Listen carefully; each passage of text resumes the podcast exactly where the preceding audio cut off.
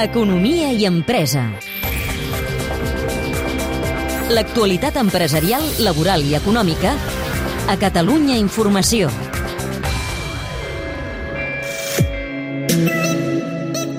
El control horari dels empleats en pandèmia, molts teletreballant de forma sobrevinguda, ha suposat un mal de cap per a moltes empreses que l'han hagut de posar en pràctica en remot. Hi ha eines que van més enllà del registre d'entrada i sortida i que faciliten la flexibilitat, una de les tendències que ha vingut per quedar-se. Robotics és una empresa que ha creat una d'aquestes solucions. L'empresa va néixer a Sabadell el 1983 amb la intenció de fer software orientat a la indústria robòtica, però de seguida es va especialitzar en el disseny i l'aplicació de solucions digitals per gestionar el temps i els equips.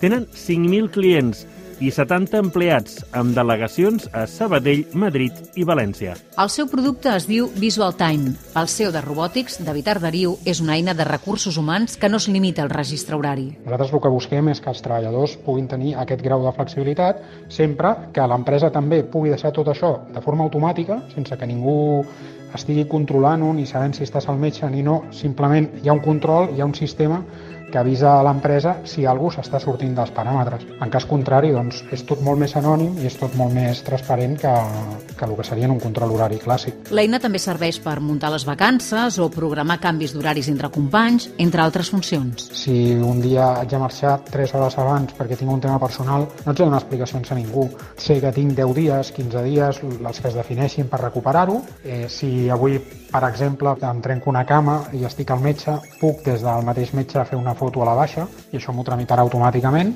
i em recordarà d'aquí 10 dies o quan toqui que haig de presentar la següent baixa, informarà l'empresa i ho farà tot. I totes les dades estan encriptades, protegides i són inviolables. Sí, recursos humans, en la mida de que l'expedient de cada persona el tenen allà, poden consultar aquestes dades. Però a diferència d'un sistema tradicional, si una persona, un administratiu de recursos humans estigués tot el dia consultant aquestes dades, tot això queda auditat també, també queda registrat.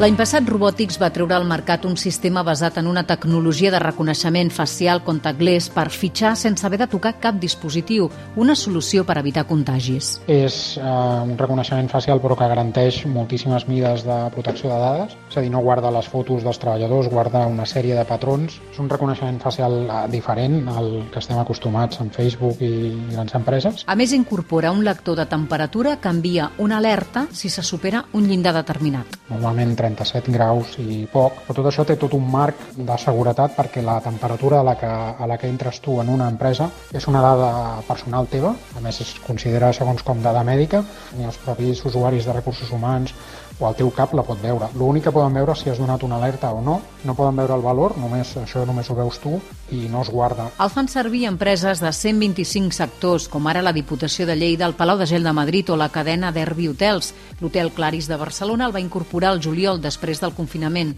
90 empleats fitxen cada cop que entren o surten del recinte. La seva directora, Remei Gómez, creu que és molt pràctic i segur. La rebuda va ser magnífica. Ja estaven força contents amb el sistema anterior de fitxatge, però no, al no haver d'utilitzar l'empremta, fer el reconeixement facial i el control de temperatura doncs, és molt més fàcil i la veritat és que no hem tingut cap problema, al contrari, tot han estat eh, bones sensacions. Amb una facturació de més de 5.700.000 euros al 2020, Robotics es consolida com una empresa líder al seu sector. La pandèmia, segons Arderiu, no els ha fet canviar el sistema, però sí que s'hi han hagut d'adaptar. Arrel del Covid sí que vam reforçar i vam redirigir totes les nostres activitats cap a fer webinars, cap a fer formació i eh, a la vegada també fer fons d'ajudes que van arribar a un, més de 300 empreses per retrasar o per fer descomptes o per retrasar pagaments o per cancel·lar-los degut a que moltíssima gent al llarg del 2020 no va poder estar operativa. És un reportatge de Carme Montero amb el muntatge tècnic de Jordi Galbany. El teniu disponible al podcast de l'Economia i Empresa.